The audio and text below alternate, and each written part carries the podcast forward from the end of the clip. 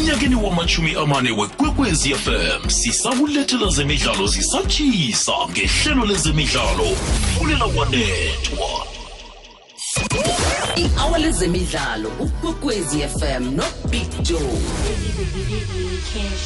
Isimbi yesihlanu itsho ukuthoma kwe-iri lezemidlalo ukwekwezi fm nobig joe. Kukhanya ba ngaphandle kokona isikhathi njengoba ngikuthembisileke ukuthi ngizabe ngino ngino Clinton wakwamphahlele ongumunye wama agents aphasileko sekukhulunywa nje ukuthi abanengi bayifailile eh, itest bebayihloliswa yiFIFA eh yokuthi bathola ama license wabo ukuthi barakele phambili nokuba ama agents nginaye nje uClinton. Clinton ngiyakwamukela ngiyakulochisa emhathweni kwekwez FM yecheba Uh, greetings, Big Joe. Greetings to you and greetings to the listeners of Ikokwezi FM. Thank you for having me. aha siyathokoza ukukhuluma nawe eh nange ukhona ngiyazi isindebele Clinton awusazi na ukhona ku ngase nje usikhulumele ngesipedi ikani nje na ungizwa kwangazi ukuthi uza kukhona na Uh, no, I, I want to start. akuna buthathu ya ino ibetha ka spade mfo Uh, no, no, look. ya Clinton a- angithome ngokukuthokozisa mfo ke kule buhishe eh ukuthi ubhalile i-test yama agents we FIFA wayiphasa sekuthiwa ku fail 48% kuphase abayi 52% kuphela ungomunye nawo walabo abayiphasileko siyakuthokozisa No, ke a leboga, Big Joe. Uh, it was nearly boima yona mara uh, really kile and we rejoiced it. Rejoiced ke a leboga. siyathokoza. Clinton abantu abanengi kungenzeka ukuthi njengoba ngikhuluma nabazibuza ukuthi ngibani ke lo ngoba eh bakhona bo Basia ama agents adumileko ngizwile ukuthi no Basia uphasile. Bakhona bo Mike Makapu sikhumbula kwakunabo Rob Moore nomnikazi we TS Galaxy uTim Sukazi keshe isikhathi wakho abayi agent ake sizwe nje uku- ngawe ukuthi u- ungibani ubuyapi uhlanga njani nendaba uhlangana njani nendaba yokuba yi agent le? Eh, yele ka ngwana mongwe le mongwe a go theng eh kathi eh goba di townshipping um ke go tsikera loka bolo. And eh en tsikera loka bolo I I I had aspirations tsa go fitlha le nna ke fitlhe uh, professional football. But obviously batswadi ne ntse ba ka peletsa ba re no ngwana a ka tsara loke bolo fela um swantse a be le le tsa ka dithutong and that obviously in intushitse gore ke lebelele an alternative career um um in relation to gore ke tlo ba eng um at the end of my playing days um should I reach the professional level. So uh, I went on to study law uh, BCom Local University of Pretoria.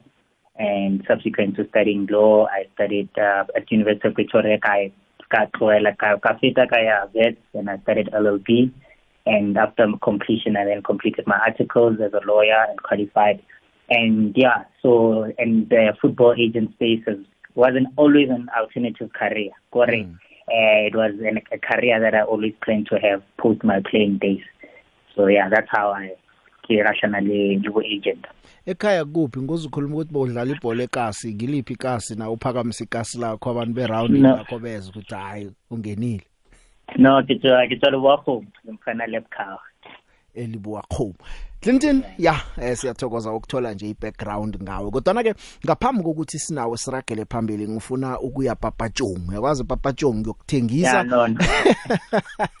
ngiyokuthengisa bese ngiyabuya si sinawe siragela phambili. Eh nasibuya ko umbuzo wami engicabanga ukuthi ngizabe ngilinde ipendulo kuwo ukuthi njengoba sesikuthola nje ukuthi uphasile nawe uaccredited vele uyi-agent epheleleko evunywa yiFIFA U- uthomephi eh, mhlawumnye ke ukuba iagent okhu ngemva kokuphasa kwakho sewunesikhathi singangani upractice as agent? Bakhona abadlali obajameleko nje oyiagent yabo sibaziko ku professional football yethu. Namtjana khona ke uthi nje ngifuna abadlali. Nangabe khona nangabe une agency nakhona usitshela ukuthi no ngina iagency eso so so engisebenza ngaphasi kwayo. Kodwa konke lokhu ungiphendula khona nangiceda ukuthengisa Clinton. Emnyakeni wamachumi amane wekwekwezi fm sisakulethela zemidlalo zisatshisa ngehlelo lezemidlalo fulela kwanethwa imzuzu ke njenganje imachuma amabili nomzuzu owodwa ngemva kwehour lesihlanu ngisakhamba naye uClinton wakwaMphahlela ocede ukuphasa i-test yeFIFA yokuba iagent. Clinton usakhumbula imibuzo wami? Yeah yebo uh graduate ngisakhumbula sure. Uh for now can you just I, I wasn't practicing prior to the exam uh lebaka e le gore obviously this FIFA regulatory process uh was had been spoken about since 2019 and at the time Ixali University so I've been following the developments in that space and I knew what at some point in time the regulations are going to be implemented and the exam would be um coming to force. So uh, I thought it best to wait for the exam, um, to write the exam, and you know to have have a bit of validity and accreditation to my name once I start practicing. So it is only now that I'm looking to go into practicing, but um, mm. I'm not attached to any agency. I, I haven't worked with any professional player as yet.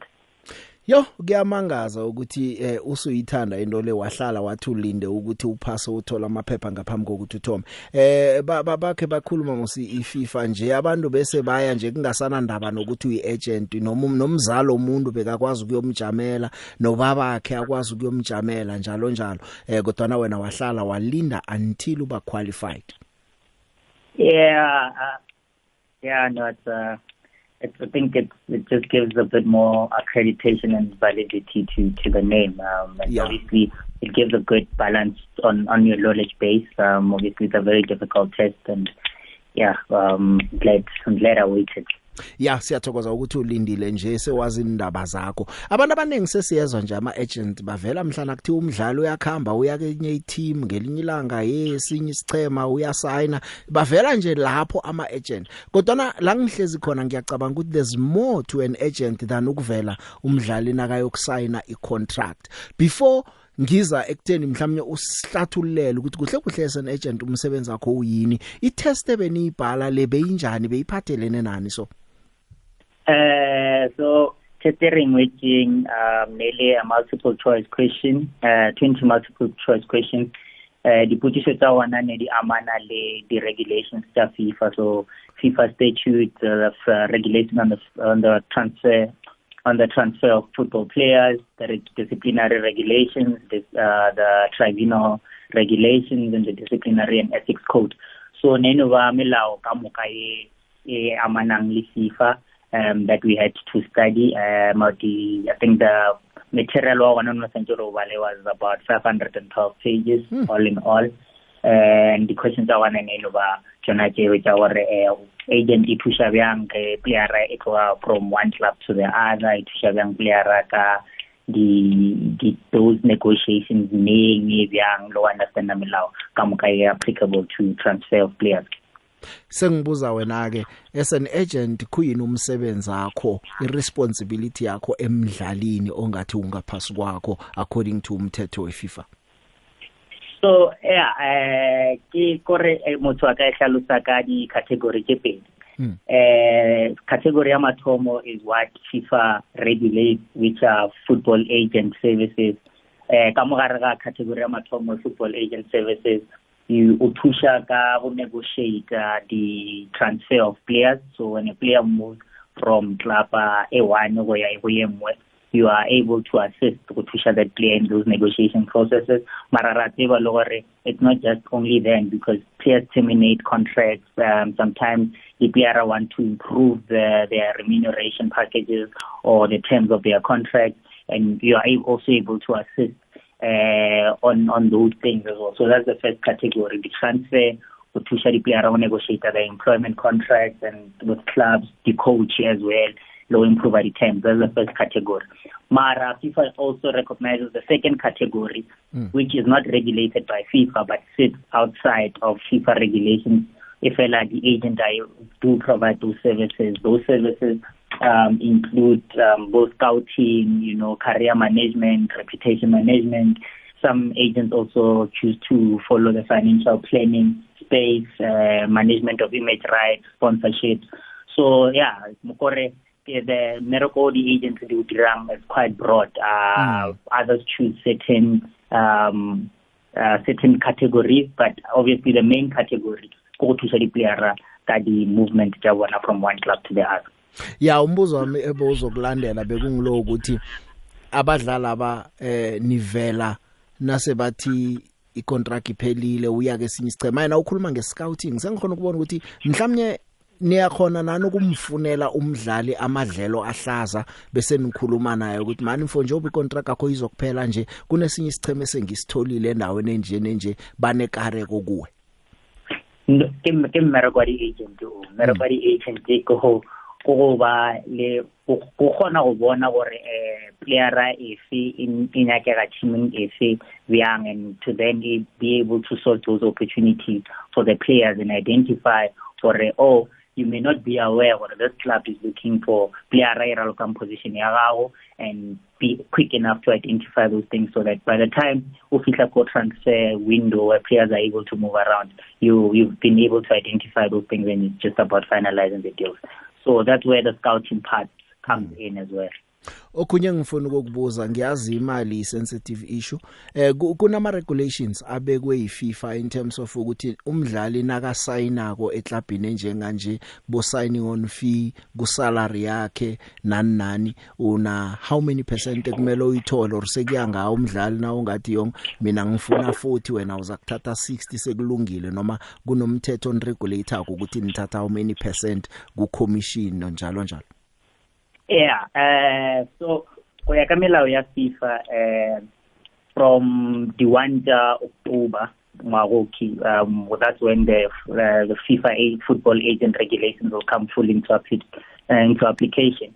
Uh, agents are entitled to 5% of um the player's remuneration um on a year on calculated on a year basis if that player um earns uh, less than 200,000 US dollars I think we need to do the calculation for that gore ke bokae 5% mo- i5% yakho annually emholweni womdlali annually uthatha 5% Yes, five five percent. Um, if the player is earning less than two hundred thousand USD, um, and then once it's over two hundred thousand USD per year, then you're only entitled to take commission of three percent.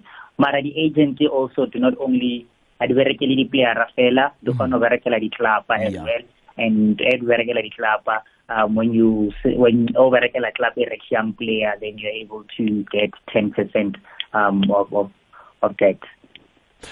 okay ngaphambi kokuya kuma headlines ngifuna nje ihlale kuhle iplayer eh kukhona iagent kukhona la iagent libhadelwa iteam kukhona la libhadelwa iplayer. Na usebenzele iteam uyokubhadelwa iteam. Let's say iteam uyifunele iplayer or into ezinjengalezo eh nangabe umdlali umtholele iteam bayokusayina lapho. Wena uthatha ke yomdlali or iteam kunemali kumele ibhadele for iagent?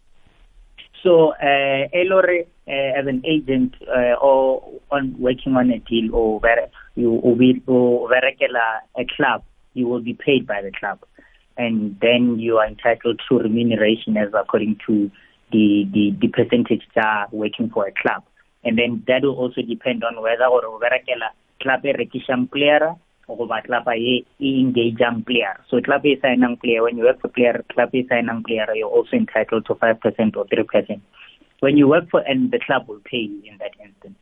O berekela a player in a deal then melao ya FIFA ere uh, the player from 1 October obviously going forward. So previously clubs would pay agents on behalf of their on on behalf of the players. Mara go ya pele from 1 October FIFA ere if the player is earning more than 200,000 USD the player must pay the agent. 3%. and the payments will then have to happen on an invoice based system and agents will have to file uh, submit invoices to the players every 3 months and the, the players will pay the agent. But obviously eh you are Clinton able- ngiba ukungena emlonyeni asiye kuma headlines ngiyabuya ku. Emnyakeni wamachumi amane wekwekwezi fm sisakulethela zemidlalo zisatshisa ngehlelo lezemidlalo. Fulela wanethwa fulela wanethwa uSteve Kompela naye ubuka urulana uthi genius. Eh ikulumo le ihlangana naleya engike ngakutshela wena izolo ngathi uthe batsho bangamroba bamphe unongorwana wakhe we coach of the season eh urulana mgwe. Ningamrobhi. you have no option but we have to oblige. Kuriver ngedenelton the big abantu abafana no-stephen compela bayabalwa empilweni. Yabona ucompela the big yilo muntu lokuthi omunye umuntu nekaphumelele uyakhona umbethela izandla. And naye ekugcineni uzoba ngumuntu ophumelelayo cause uyakhona ukubethela abanye abantu izandla. Uyazi um ngiyayizwa ikhuluma kasteve compela but khe sicale so i-pirates is the only team now ephethe icup kuzokwenzakalani if i-pirates can win i-netbank cup again i'm just throwing the cat amongst the pigeons. Dlala dlala big joe asidlali la. Ezemidlalo kufunela walethwa Siyakhamba isikhathi ke mlaleli imzuzu nje kusele machuma amabili nemzuzu elikhomba ukuthi ihlelo silibeke phasi eh sisisenaye uClinton. Clinton eh bewusakhuluma la ngendaba yokubhadelwa sichema nokubhadelwa umdlali engizwile okhunye engifuna ukukubuza ngoba ama agent la phambili mhlawumnye nje kuza kuchange izinto. Uwezwa nje nasekuthiwa kunomdlalo yokuthengwa uwezwa nasekunomdlalo ocotshwa kwesichemeni agent akhe ivele uwezwa nasekukhulunywa ukuthi indaba zama contract iyaphela. Kuhle khona ngoba vele nakhona ukuba iagent uloku visible umuntu angabi nesikhathi nesokuconcentrate emsebenzini wakhe ngeze kwaba kuhle. Kodwa ngifuna ukukwazi naziza la mhlambe ku ill discipline yama player nje kunentori zabadlali bezabaselile engichemeni eh abadlali i lifestyle yaba balala ama awaneleko bayalova ejimini eh, nje i lifestyle ngaphandle kwe ground yomdlali. As an agent unomthelela ongangani? Kangangani ungakhona kangangani ukuyilungisa nomdlali? Eh uphenduka ube mzali womdlalo romdlalo uzokuthi ngiyakubhadela wena uthula itidu engikwenzako ngizenzela mina? Eh itaba kore taba e bohlokwa mo picture ko gore eh you as an agent you you manage a career. Mm. And uh, what is very important for players to understand and is that for for you to be an agent to the player, there needs to be an existence of a career. And the career therefore depends on the lifestyle, on the performances of the player, and how they, uh, what nutrition they eat. So as an agent, you, you have to help to make sure that your player is in the best environment to perform mm. so that you're able to provide agency services. So it's, it's, it's a two-way street if mm. I so gore go tshwarana ka matsogo ga di-playera um, and the agent to say for us to be able to re berekishane re ya pele we need you to be performing better um, on the field so that as an agent can negotiate a, better contract for you. Because if, when a player is performing well then you're able to sort moves elsewhere you're able to um, negotiate better terms for the player. So uh, there is a role uh, for agents to play in that space of course um, but the the large the large portion of it of, of course lies with the player. And then as an agent une influence engangani ekutheni umdlali uyapi ngoba angisho umdlali contract nayiphela kokugabana mathima abe mathathu abe mane amfuna ko umdlali kube nenye ethembisa imali eningi kube nenye ethembisa imali ephakathi kube nabanye abathembisa imali encane. Nawo ngokucala i3% ukuthi nakala lapha i3% amiza kuba ikudlwana waya la i3% amiza kuba incane how much influence do you have mhlambe ekutheni umdlali aye eteamini ethize? Eh the good thing ka melao e tlhotsenang e mentshwa ka di-one tša october ke gore e gapeletša gore agent whatever offer ye e kry-ang from any club e informe player. So the offer tšeo tse four ka moka will have the player o tlo tseba ka tšona gore ke nyaka ke team a team b team c team d. And a offera charity a e offera charity a so uh, at the end of the day, the decision is the player's decision. And obviously, you as the agent and and and the player, uh, as the player's agent, you can only advise as to what the deals can be, what what's the best appropriate deal at the time, mm. and how you can be able to leverage different situations depending on the clubs, the personnel in the clubs, the ability of the clubs to sign the player at a particular time. So at the large decision e ke ya player player will say ke gcina kuya kwa. une final say umdlali ekutheni uya kuphi. Kodwa nokhunye ke engifuna sikuveze nengikwazi ukuthi ngaphakathi kwedeal yomdlali akukhulunywa ngesigning on fee nomholo kuphela kunama clause ama fine prints abetha abadlali abaningi abangakayi esikolweni kuba izinto ezinjengalezo kunama buyout clause eh kunama bonus eh kunendo zokutsho ukuthi kwavela i-team enye ingifuna ningangivimbeli. Eh ngoba izinengi izinto then kube nalo mthetswana ukuthi bane option bano sikhathi sokuthi banga exercise ioption yokungezelela icontract yakho nayiphelako into ezinjengalezo. Ngiyacabanga ukuthi senagent mhlambe nguwe kumele uhlale nomdlali umfundise ekhulu ngoba abadlali bamva nje siyababona sebayaya yiye esikolweni kodwa naphambilini abantu bebadlala ibhola isikolo bebangahlangani naso mfo. Yebo yebo uh, yebo Victor um ke ke mmere kwa agent o ra kgona hlalosa um those terms to the player. And obviously go negotiationing try and make sure that those terms are very suitable and workable for the player. You know the release clauses the option or option exercise waneni because if let's say option exercise May which allow you can only you can you're not sure before May as to whether the club can will exercise the the uh, the option or not or it will it will exercise wa ka March. So Joe Tiditabaje uh, an agent has to be on top of and make sure or they've explained them to the player and the player understands or um this is what should happen when should happen. And it's important for what the player must always have the contract a copy of the contract after concluding the deal so that le yena judge asa asa pushing something ya khona go boela go yona a be bala and then a o tla go potela so yeah. Ngikuzwa kamnandi. Kokugcina ke eh Clinton ngikuzwa uthi azange urepresent a professional players angeke bo umuntu ozifundela umsebenzi lo. Nje ngiyacabanga ukuthi sekumele uye fieldini yokusebenza. What's your first step? Wenzani? Uthoma urecruiter abadlali eh noma uthoma phi? Uyokwenzani nje? Well, I mean, um, the first step, of course, is to to um, identify the players and clients that uh, would be happy to work with me. Um, and those that are interested in working with me, and then um, we'll take it from there step by step um, and, and and try source um, the best available skills and assist where where necessary. But ka nako e fihla I promise to come back ke tlo hlalosetsa ditaba ka moka gore ke tlo bereka bjang and under which name and with mm. whom and, and all and so I, I promise to come back ngikufisela okuhle kodwa Clinton going forward. Ngiyacabanga ukuthi amabhudango makhulu mhlawumbe ngelangwane agents nje ungasazijamela wedwa ube necompany enkulu lenabadlali abaphambili obarepresentako. Nje nakukhona osilaleleko okhanuka ukuthi angathindana nawe. Mhlawumbe ngiyacabanga ukuthi angasebenza nawe ukuthuthukisa ibizelo lakhe. Bakuthola njani? Uh, currently they can find me on Twitter um, at Clinton_Friday or Instagram at Clinton_Friday. Um yeah i think that that's where they can find um, i'm accessible on both there. And if they want to engage me in the dms um i'll engage them and then we can take to things forward. But obviously in the in the medium to in the medium term i'll be announcing as to how i'll be uh, organizing myself as an agent and i'll share all the details at the right time. Clinton ngiyathokoza ukukhuluma nawe. Okuhle kodwa ngicabanga ukuthi asigcine namhlanje ukukhuluma eh usebenze kamnandi kuyaphambili baba. Kubonga mina Big Joe. Aha ke Iawale zemidlalo ukwekwezi FM no Big Joe.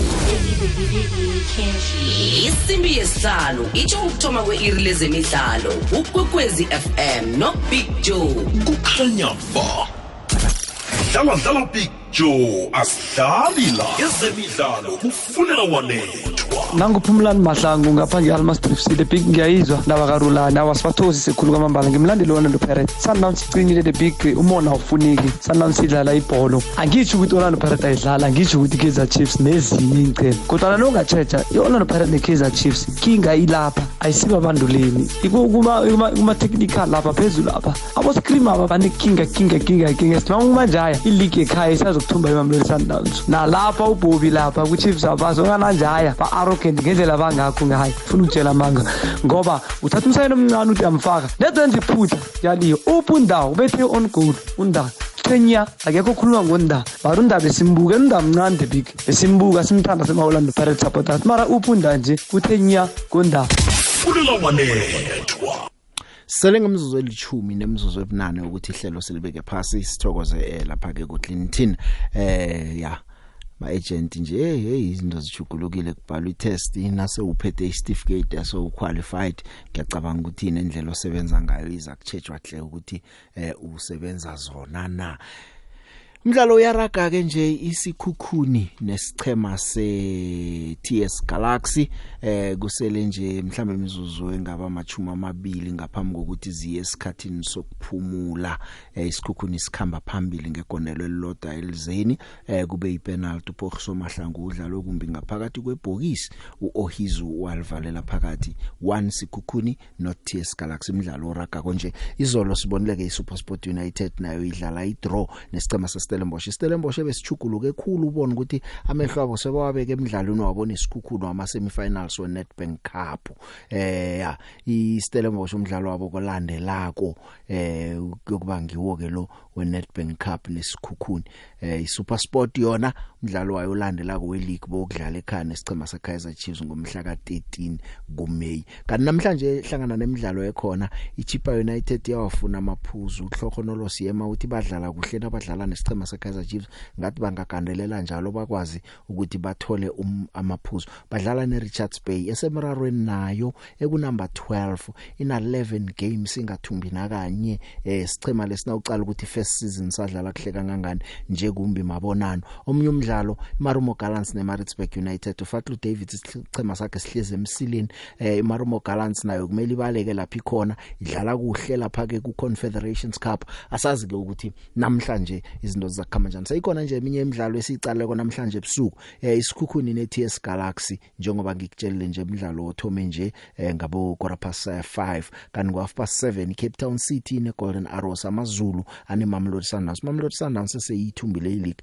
ithumbe eksela imidlalo elikhomba icedile yona eh yokuthola nje iGuard of Honor enye esichemeni samazulu. Ikhama ngama Guard of Honor ke nje eh sakubona ukuthi ke kuyokhama kanjani kulo mdlalo. Maritzburg United neMarumo Gallants na ngo half past 7 eRichards Bay ine cheaper ngo half past 7 midlalo esinayo ke le eh namhlanje lapha ke eligini yala eSouth Africa okuyi DStv Premiership. Eh ngoba na uthi uyaqala kumbi elogweni yabona iTS Galaxy njengoba idlala nje ina 31 points. Nayilobako kusho ukuthi ihlala lapha ke ku 31 points. Marumo Gallants nechipa eh isichema seMarumo Gallants ku number 14 sina 28 points. Eh kuzakuya ukuthi sidlala kanjani nangesithumbile sokulingana neTS Galaxy ku 13 leya. Eh ya kumbi. Eyiphasa pha kubudisi ichipa ina 26 points. Maritzburg United ina 25 points. Khona ubone nje ukuthi incemeze abazichiyana ukuyapha enye nenye into ingenzeka lapha. Cheaper Maritzburg United na ingathumba iyo yeca ngaphezulu icheaper nange ingabetshwa iRichards Bay. Richards Bay yaloba nayo izabe ingazenzeli obuhle lapha ku position 12 kodwa nake kuzakuba budisi nange ingawuloba umdlalo lo.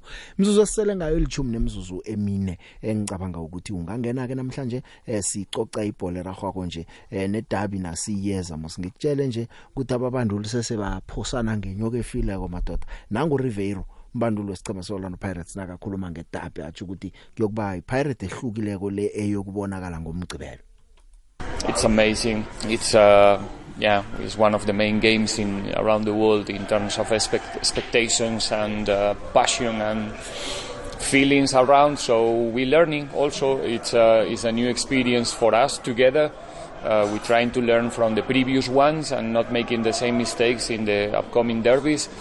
Uh, soon we have an opportunity to to to express ourselves in a different way than the, in the recent ones, and for sure we're gon- not gonna miss the chance. Then the result, it depends of a lot of things. We're gonna try to to make sure that this time is coming with us. But what, what is 100% sure is that uh, we're gonna see a different Pirates in the derby.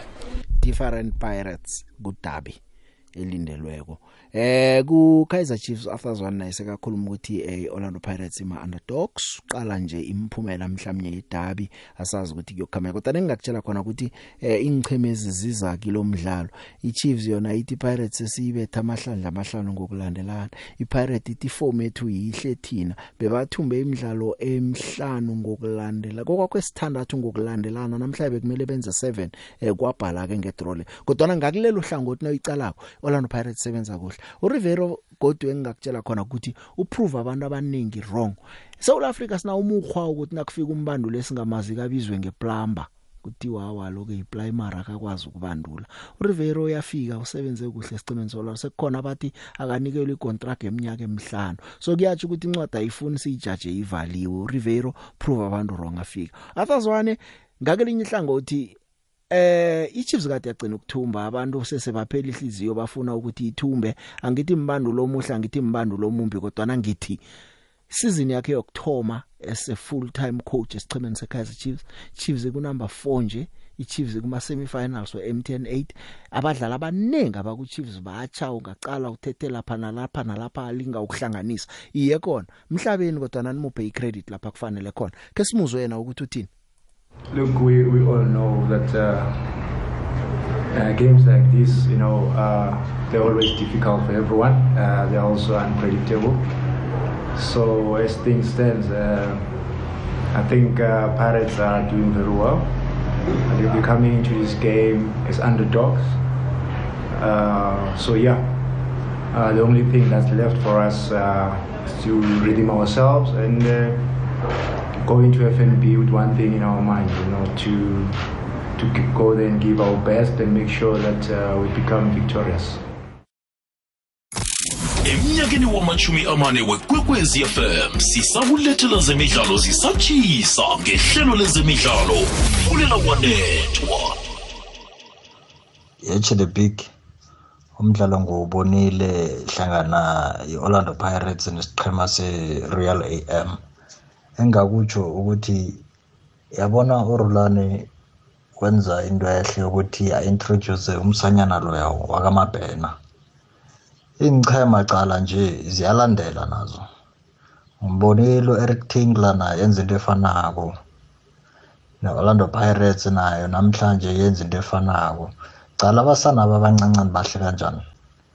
Ibholo yethu nge- ngendlela le iyathuthuka and ngiyacabanga nokuthi ngendlela abenza ngakhona eh ibafana bafana engakwazi ukuthi ibe nabadlali abahle. Ya kuhle khona nangambala ukubona abadlali abasesebatsha abadlali abasesebancane eh benza umsebenzi. Eh umabhena uvumbo kanje la ungacala wathazwane ngoyowazivelela ngabomdusha balala wavela ngabozwana ababa promoter kwathiwa kupronyothe lapha boduba in in. Ingchema iye ziyalandela. Kuyinto ehle hle hle hle ikusasa libalihle ngaphandle siyababona vele nakezinye inarha abadlali abancane abafika benze into ezibukwa kwebholeni ragwako kwanda kwande big joe no-ari nomlokwez f m. Big joe uyazi uyazi ngesinye isikhathi ma umlandeli webhola umthandi webholo uyogcina uphupha ngebholo uphupha ngebholo. Eh wazi njengami nje ngibe ngiphupha ngebholo. Ngibona ichema sakabakubaku baku wakathombeni kazrik fc sinikelwa bonongorwana abahle banikela abana bonongorwana ngabona ubaku wakathombeni. Uba ukhuluma akhuluma ngegama lamathi even umoya wasezimbabwe naye awawuthi simunikele um mphonyana anginikela umpho gedlela re-red libhaliwe um classic f c. Ngathaba khulu kwamambala so ngiyafisa ngiyathandaza. Mihla namalanga ukuthi zimo wami zimo wami enza kuyenzeke ukuthi ikhaziriki le ithumbe umutsipe foundation. Mhlambe nami ngingathola igedlela re-red. Hayi madoda ngiyalifuna le gedlela. Ya no moyo ulale mini yo. Lale mini ubhuta kidwezi nje uthola uthola ingeketlela ebhutangweni. Ya ngumoyo wasezimbabwe siyathokoza isiceba seKazriki kuhle kusezandleni zabo manje ngisatsho. Eh into ehle nje nange bazithumbela imidlalo emibili eseleko le ukuthi yenzani Cape Town Spurs ukuthi yenzani Polokwane City akwenza ulutho eh yanike niyosekela isicema bathi kungenwa simahla phela vekele ngosonto nabadlala. Kanti ke eh mhlawumbe umoya uzalithola ke neketlela icabanga kule mhlamba ngabe uyayithole nange isichema sisebenze kuhle. Hey Bijo, nangisenza tsakana nibulisa studio nomvezi. Eh wathi ngene la endaweni kaAndile Jali neSundowns. Andile Jali usebenzele iSundowns singama Sundowns fans siyafisa ukuthi uAndile Jali engaba khona ecampini yaseCloricop. But ke asiphinde sikukhumbule sonke singabathandi bezemidlalo eSouth Africa ukuthi uAndile Jali unale ya hamstring injury leya leya leyemsogulisayo. Ngiyacabanga kuma negotiations between iagent yakhe neSundowns nayo leyo hamstring injury ngiyacabanga iyangenelela lapho. So i-agent sekumele ikubuke lokho ukuthi siyenza kanjani i-deal ya-andile jali ukuthi still ahlale ku-sundowns because u-andile jali uma uzomtshela ukuthi akayeke umsebenzi manje kwi-sundowns aziwa ukuthi unale hamstring injury leya angizwisisi ukuthi yiphi team eyomthatha nale hamstring injury angibambe lakho big joe danko Mm, kusenzo umlandeli Sundowns. Usemoyeni yacha? Akwande usemoyeni?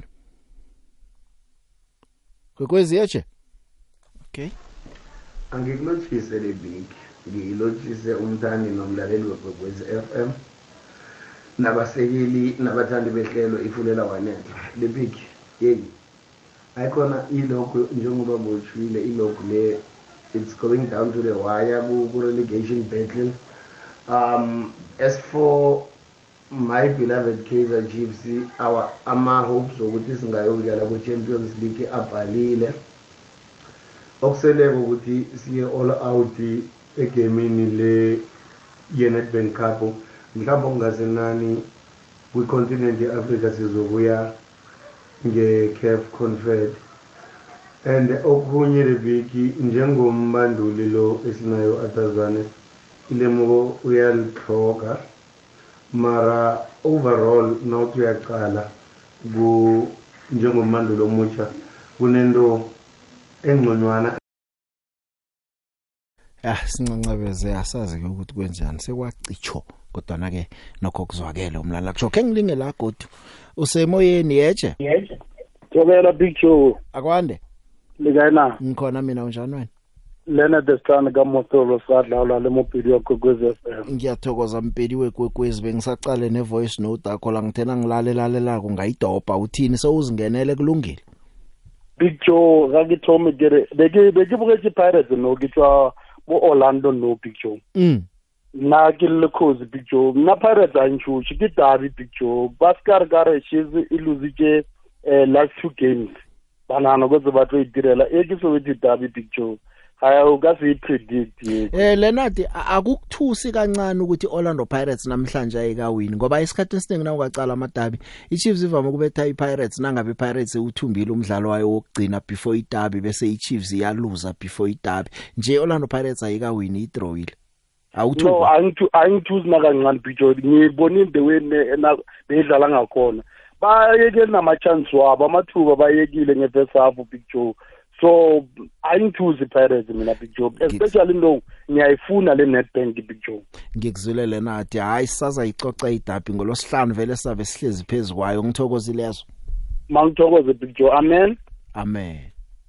Usemoyeni yeche The big akwande? Kunjani? ngikhona mina unjani wena? Hayi siyaphila manje. eh load shedding na? Ulahlekile. Akwande usemoyeni yecha Eh kunjani? ngikhona mina unjani wena Ngaphela picture ukhuluma no Jacob wakashonga la Trishard mara ngihlala ngihlale emaso nekhaya. ngiyathokoza shongwe Eh picture mina ngifisela isithema sami soRlando Pirates kulomdlalo sodlala neChiefs ngolo ngomgcibelo ukuthi hayi ngiyacabanga ukuthi ngizodlala umdlalo omuhle but ngibonile iChiefs ngendlela edlala ngayo. Hayi angiboni ukuphindisha iPirates. Uthi ukuthi nje ayisadlali ngendlela ebeyidlala ngakhona nayibethi pirate nje seyi nayidlala lokho nayibetha ko phambilini beyidlala ngcono nje ayisadlali kuhle. Ya ngibo- ngibonela amagoli ayo lesikhathi idlala nelokhunjana idlala nesalozi hayi alula kakhulu amagoli abhijo ngithokozile shongwe. The big nami ngomunye o othanda ukuthokozisa khulumisana lo ratomo igolo lakhe libe lihle. Igame yakhe nje ibe yihle yokuthoma ku-first team. Ibe yihle khulu. Akakhombisa ivalo kubethwa livalo akakhombisa nje bekadlala ibhola alaziko nje msana simple lula. Ngiyatho- ngiyamthokozisa mani lapho kuyakhombisa isicima separate nakho eyi ya siyavuthisa hle nakambala kumnandi hle ukubona abesana abancane benza ngalendlela eh, ngisakhuluma ngabesana abancane njalo. Namhlanje under 17 yethu yeSouth Africa iyadlala. Idlala lapha ke neZambia mdlalo ongaphasi kwe Total Energies under 17 Africa Cup of Nations eAfcon ke le. Umdlalo wokthoma eh, sawuloba sabetshwa eMorocco ngo2 not iZambia nayo yabetshwa eNigeria ngo1 not namhlanje ke ziyadlala. Othome ngehour lesihlanu nje umdlalo eNigeria ibambene neMorocco thina siyokubambana neZambia eh, ngo9 ebusuku. Sibafisela okuhle kodwa abesana bekhaya abasesebancane. Usemoyeni yacha the big akwande? Njani na? Sikhona wena unjani lapho? Ngubholosi mnisi ukukhuluma ko the big Thokoze mnisi. ngiba ubabhaho apho iketlele bovu man. iketlele bovu se please nimtshele ubabhaho manithi aphuka moyo ikethela picture. Balalele bayezwa azabo Sheikh Skabini ngiyacabanga ukuthi balalele bazawudlulisa umlayezo weketlele bovu. Ngiyacabanga ukuthi ufuna ismack ne? Ngibhakaniye picture ngibhakaniye hayi mari pirate yasiphoxa uyazi ipirate sele iwinile iwinile umdlalo man last minute man and ngitshela abantu engiseni nabo ngithi yabona le pirate le esebafakele genge le yabo ivanga le. Izokudliwa izokudliwa. Ulisa abantu abakabakhiphile picture abantu ababadlala kuhle baya moyi uyokhipha bo-erasmus uyokhipha bontokani ubani igenge le akayikhiphile le. Uyabona lapha emva ngathani ukhuphe net lo olimeleko loyo wafaka umonyana. Beyirehe iparete picture ahamnisi uyazi nakuzidabi into vele zivama ukuba njalo? Nibone kudlala nabo Eva ngayi ini ndoda kumbi. Eh asidluliseni namhlanje ngu11 iphuzo lilodwa lifana nokuloba bese nithumbe imidlalo esithandathu ilandelana. Nje calani idabi mnisi. Iketlela leyo ke picture ngayilibala bayezwa abantu umoya ababhudange bamthengela iketlela. Ngithokozile mnisi? Thank you sharp sharp ya Eh namhlanje iManchester City idlala neWest Ham. Nayithumbile ko iyabuyela ebujameni bokthoma eh ne game in hand yabo.